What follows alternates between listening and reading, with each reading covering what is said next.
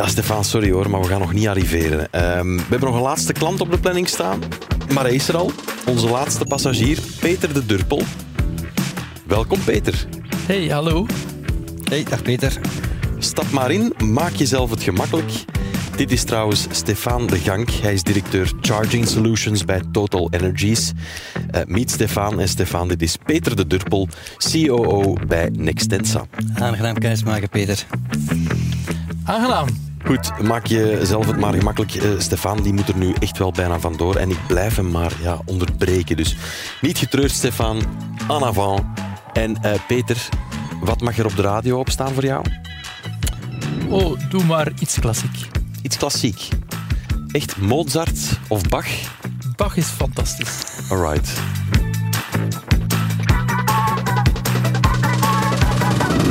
Welkom aan boord van Taxi Total Energies, een podcastreeks die jou in drie afleveringen wegwijs maakt in de wereld van de EV, de elektrische voertuigen. En dankzij de passagiers vandaag jouw meest prangende vragen hierover beantwoord. Want we willen allemaal graag ons steentje bijdragen aan een betere wereld en zeker door onze voetafdruk wat onder controle te houden door de verplaatsingen die we dagelijks maken.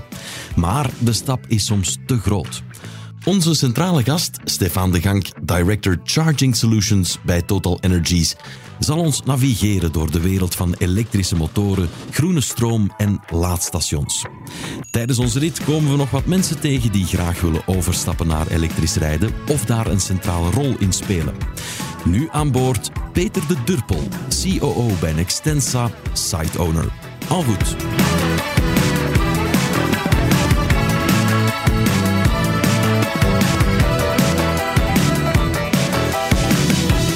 Peter, stel jezelf eens kort even voor. Wat doe je precies? Wel, ik ben uh, COO bij Nextensa.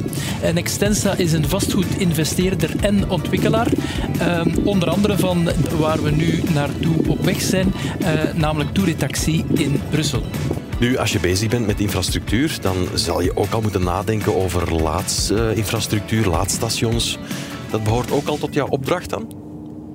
Uh, absoluut. Uh, vastgoed en mobiliteit zijn sowieso al onlosmakelijk met elkaar verbonden.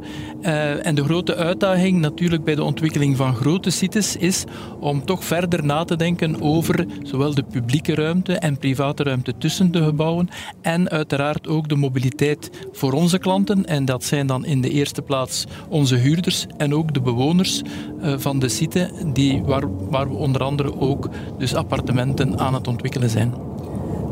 Wel, dan, uh, dan heb je geluk eigenlijk, Peter, want wij hebben hier bij ons... Enfin, ik heb bij mij een fantastische co-piloot, Stefan, en die gaat jou daar alles over kunnen vertellen. ik ga mijn best doen, uh, Elias. Maar ik denk dat ik ook wel wat vragen heb voor Peter, hoor. Alright, ik zou zeggen shoot. Je sprak daarnet over tour en taxis. Dus je hebt, veronderstel ik, daar al uh, redelijk wat laadinfrastructuur staan voor jouw klanten en jouw bewoners. Uh, inderdaad, wij hebben uh, actueel een honderdtal uh, laadpalen geïnstalleerd in onze ondergrondse parkings. op Tour en Taxi is het namelijk zo dat door stedenbouwkundige bepalingen alle parkeermogelijkheden ondergronds dienen voorzien mm. te worden.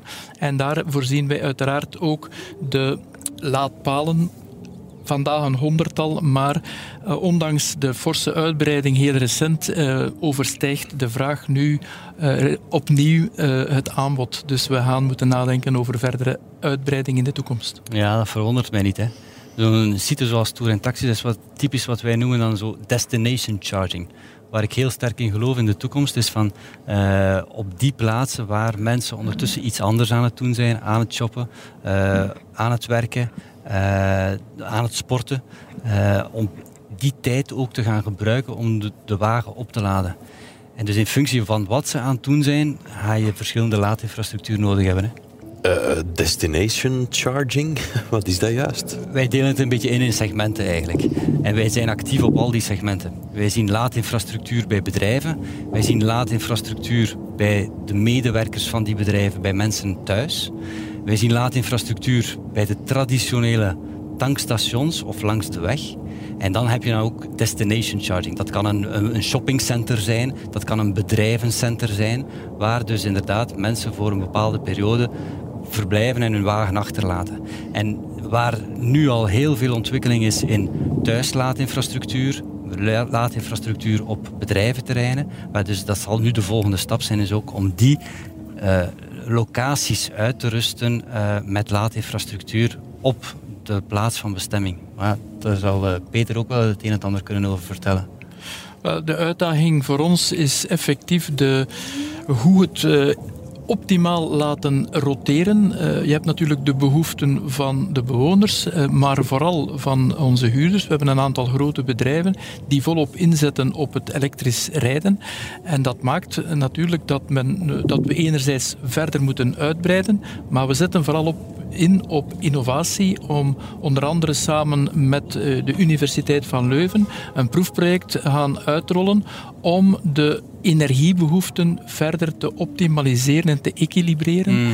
om, om piekbelastingen te vermijden en om alle vormen van uh, elektriciteitsbehoeften op elkaar af te stemmen. Uh, wij onderscheiden op zo'n site drie soorten van verbruikers. Het privatieve verbruik uiteraard van onze bewoners en, en de huurders van kantoren. Uh, anderzijds de gebouwgerelateerde elektriciteitsbehoeften voor de verschillende verwarmings-, koelingssystemen en noem maar op. En tenslotte uiteraard de mobiliteit. En hoe die op elkaar afstemmen, dat is een van de grote uitdagingen. Ja, absoluut. Het kan niet de bedoeling zijn als je daarnet zegt van we hebben nu onder, op die site hier in Tour Taxis hebben we een honderdtal laadpalen bestaan. Het is niet de bedoeling om van die 100, 200, 300, 400, 500 of duizenden laadpalen te maken. Het is de bedoeling om het juiste aantal laadpalen te vinden en dan met intelligente systemen, dynamic load balancing, te gaan juiste ja, dimensie maken van, uh, van jouw laadinfrastructuur. Ja, en daar voeg ik graag aan toe dat we daar dat ook maximaal willen koppelen aan de lokale productie. Wij produceren vandaag ongeveer 4500 megawattuur aan um, zonne-energie via onze eh, fotovoltaïsche cellen. Um, omgerekend een, een 45 à 50.000 laadbeurten. Um, dus dat is al heel wat, maar uh, die energie wordt nog niet optimaal ingezet. Uh, en daarom kijken we uiteraard ook uh, uit uh, naar andere innovatieve toepassingen. Misschien een mobiel laden of de, wat heet de vehicle to grid. Dat, dat, dat, ja. uiteraard, dat u uiteraard niet onbekend is. Om ook de wagen te kunnen gaan inzetten als batterij voor die twee andere categorieën aan elektriciteitsbehoeften. Hebben jullie daar al ervaring mee met die ja, ja, meer en meer. Hè. Um, en, en ik heb een tijdje de kans gehad om in Nederland te werken en daar staan ze eigenlijk al een stuk verder op dat vlak. Daar uh, stellen ze zich al veel minder de vraag van waar gaan we laadinfrastructuur plaatsen en hoeveel gaan we er nog bij plaatsen, want ze hebben er al veel. Daar wordt meer en meer een prangend vraagstuk is van hoe gaan we de laadinfrastructuur die er is optimaal benutten met de energie die beschikbaar is. Sowieso, uh, nu spreek ik even voor Total Energies, is van alle, laad, uh, alle energie die wij ter beschikking stellen op onze eigen laadpalen komt van groene energie. Uh, en ik hoor dat je hier met zonnepanelen ook uw laadinfrastructuur aandrijft. Maar je hebt eigenlijk nood aan energy management systemen, hè, die dus eigenlijk gaat die energiebronnen optimaal benutten wanneer ze beschikbaar zijn en gaan switchen tussen de verschillende energiebronnen en het net en zo, uh, wanneer het nodig is of wanneer het financieel interessant is. Want daar gaat het ook om. Hè. Um, wanneer we het net niet willen belasten, dan moet je eigenlijk gaan laden wanneer er veel elektriciteit en goedkope elektriciteit op dat net beschikbaar is. En dus uh, dat zijn zaken die, die nu in volle ontwikkeling zitten en die, uh, daar wij dus mee bezig zijn met, met redelijk wat pilootprojecten ook. En daar kijken wij met heel veel interesse uh, naar uit. Uh, te meer omdat we toch nog een 600, 700 uh, wooneenheden op uiteraard langere termijn wensen bijkomen te ontwikkelen op de site. En dus de vraag zal enkel maar toenemen en men kan niet oneindig uitbreiden. Ja. Dus daarom onze interesse om daar inderdaad de juiste partners voor te vinden om dat uit te rollen. En als het enigszins kan, het enerzijds het commercieel vastgoed, dus de kantoren, te laten samenwerken met de bewoners. En in dat opzicht hebben we nu ook een energiecommunity opgericht, zodanig dat het vlotter mogelijk is om energie uit te wisselen, elektriciteit in het bijzonder, uit te wisselen tussen enerzijds uh, kantoorgebruikers en anderzijds onze uh, bewoners. Ja, interessant. Dan heb je natuurlijk de problematiek tussen traagladen en, en snelladen. Uh, en dus uh, wij zien al, uh, wij beginnen al met modellen te werken waar wij soms batterijen bijplaatsen aan snelladers waar het netwerk niet voldoende elektriciteit kan leveren, niet voldoende vermogen kan leveren, anders om een, een, snellader te plaatsen. Want het is eigenlijk geen verhaal van of-of, of snelladers of traagladers binnen een regio, binnen een stad, binnen een, een, een, een bedrijvencomplex hebben we waarschijnlijk een beetje een combinatie van de twee nodig. Ja, en dat ontbreekt het ons nu aan snelladers. Eh, dat hangt natuurlijk ook samen met eh, het wetgevend eh, kader voor de ondergrondse parkings. Kunnen wij deze nu niet plaatsen. Maar er is wel degelijk vraag ook van de verschillende bedrijven die werkzaam zijn op de site om toch ook snelladers te voorzien. Dus dat is ook nog een bijkomende vraag. Ja, dat is logisch. we zijn nu bezig met een bedrijventerrein je gaat het misschien kennen, uh, Actiespark in Mont-Saint-Guibert. Mhm. Dat is een bedrijventerrein waar wij dus ook uh, waar bedrijven zitten uh, die daar bedrijfsgebouwen huren. daar zit wat horeca in en zo. Hebben wij traagladers gezet. Maar hebben wij ook een publiek snellaadstation zijn we aan het bouwen. om dus inderdaad een juiste combinatie te hebben. En eigenlijk iedereen die daar komt op een of andere manier te, kunnen, te kunnen servicen. Die vraag stelt zich vooral uh, bij de shoppingcentra. Dus naast de shoppingcentra, uh, daarnet vernoemd in Wenen, uh, hebben wij ook in eigendom enkele shoppingcentra in Luxemburg. En daar zien we dat daar heel sterk de vraag is voor de mensen inderdaad tijdens het winkelen om dan toch op zo snel mogelijke manier ook hun wagen kunnen bij te laden. En daar is effectief de behoefte om heel dichtbij op die knooppunten, bij die shoppingcentra, die snelladers geïnstalleerd te krijgen. Ja, dat is juist. En hetgeen dat typisch is voor, voor een dergelijke bestemming, eigenlijk een shoppingcenter. Wel, wij plaatsen snelladers langs de autosnelweg bijvoorbeeld. dat zijn dan 400 kilowatt snelladers. Die dus uh, met twee uh, laadpunten, kunnen twee keer 200 kilowatt uh, leveren wanneer de wagen dat kan, aan kan. Dat zijn dus heel snelladers. Op shoppingcenters heb je dat niet nodig. Je hebt iets nodig tussen de twee. Mm Bijvoorbeeld een 150 kilowatt of een 120 kilowatt of een 180 kilowatt eh, kan voldoende zijn. Want een gemiddelde uh, uh, gebruiker, een gemiddelde consument gaat eigenlijk shoppen in een supermarkt bijvoorbeeld 35 à 40 minuten, hebben we ontdekt. En dus dat is typisch iets waar je jouw wagen kan opladen met een snellader. Dat hoeft niet een ultrasnellader zijn, maar dus tijdens de shopping kan je jouw wagen laten opladen. Interessant. Een vraag die bij mij opkomt is, ehm, misschien is het een, een foutieve perceptie, maar um, de omschakeling, of de gedeeltelijke omschakeling van de klassieke tankstations naar laadpunten voor elektrische voertuigen, dat gaat mijn inziens traag of, of is dat een verkeerde perceptie?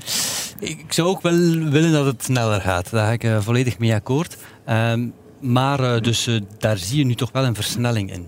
Uh, zeker op de grote internationale assen uh, begin je nu eigenlijk aan bijna elk snelwegstation begin je uh, voldoende laadinfrastructuur te zien. zeker in Vlaanderen. Frankrijk is ook goed op weg. Wallonië is nog een beetje een, een, een, een black spot op, op dat vlak. maar we zien nu toch wel een versnelling. Maar je moet beseffen, ergens tussen de beslissing om ergens een laadinfrastructuur te plaatsen, snelladers, en de uiteindelijke plaatsing van die snellader is, is makkelijk een jaar. Hè. Uh, dat zit met bouwaanvragen, daar moet de vers, verzwaring van elektriciteitsnetwerk bij komen kijken en zo. Dus er zijn heel veel projecten in pipe. Uh, en dus ik verwacht in de komende maanden heel veel uh, nieuwe projecten die je gaat zien, zeker in Vlaanderen. En dus meer en meer ook in Wallonië. Voilà, heren, de bestemming is in zicht. We zijn gearriveerd nabij Tour en Taxis. Peter, dat is jouw halte, hè? Hartelijk dank. En ook voor het fijne gesprek en het boeiende gesprek ja, die we mochten hebben. Is gelijke. Uh, onverwachte ontmoeting, maar uh, heel interessant.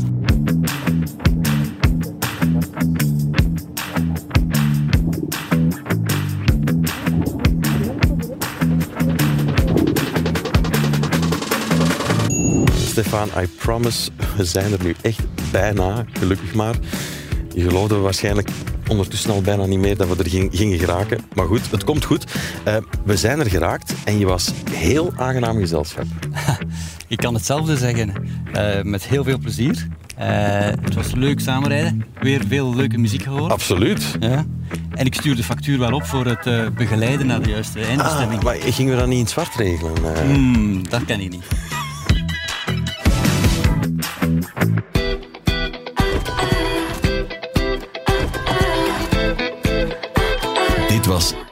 Total Energies. Ik hoop dat je genoten hebt van de trip en vooral wegwijs bent geraakt in de wereld van de EV. Check zeker ook de andere afleveringen in deze reeks en ontdek onze passagiers.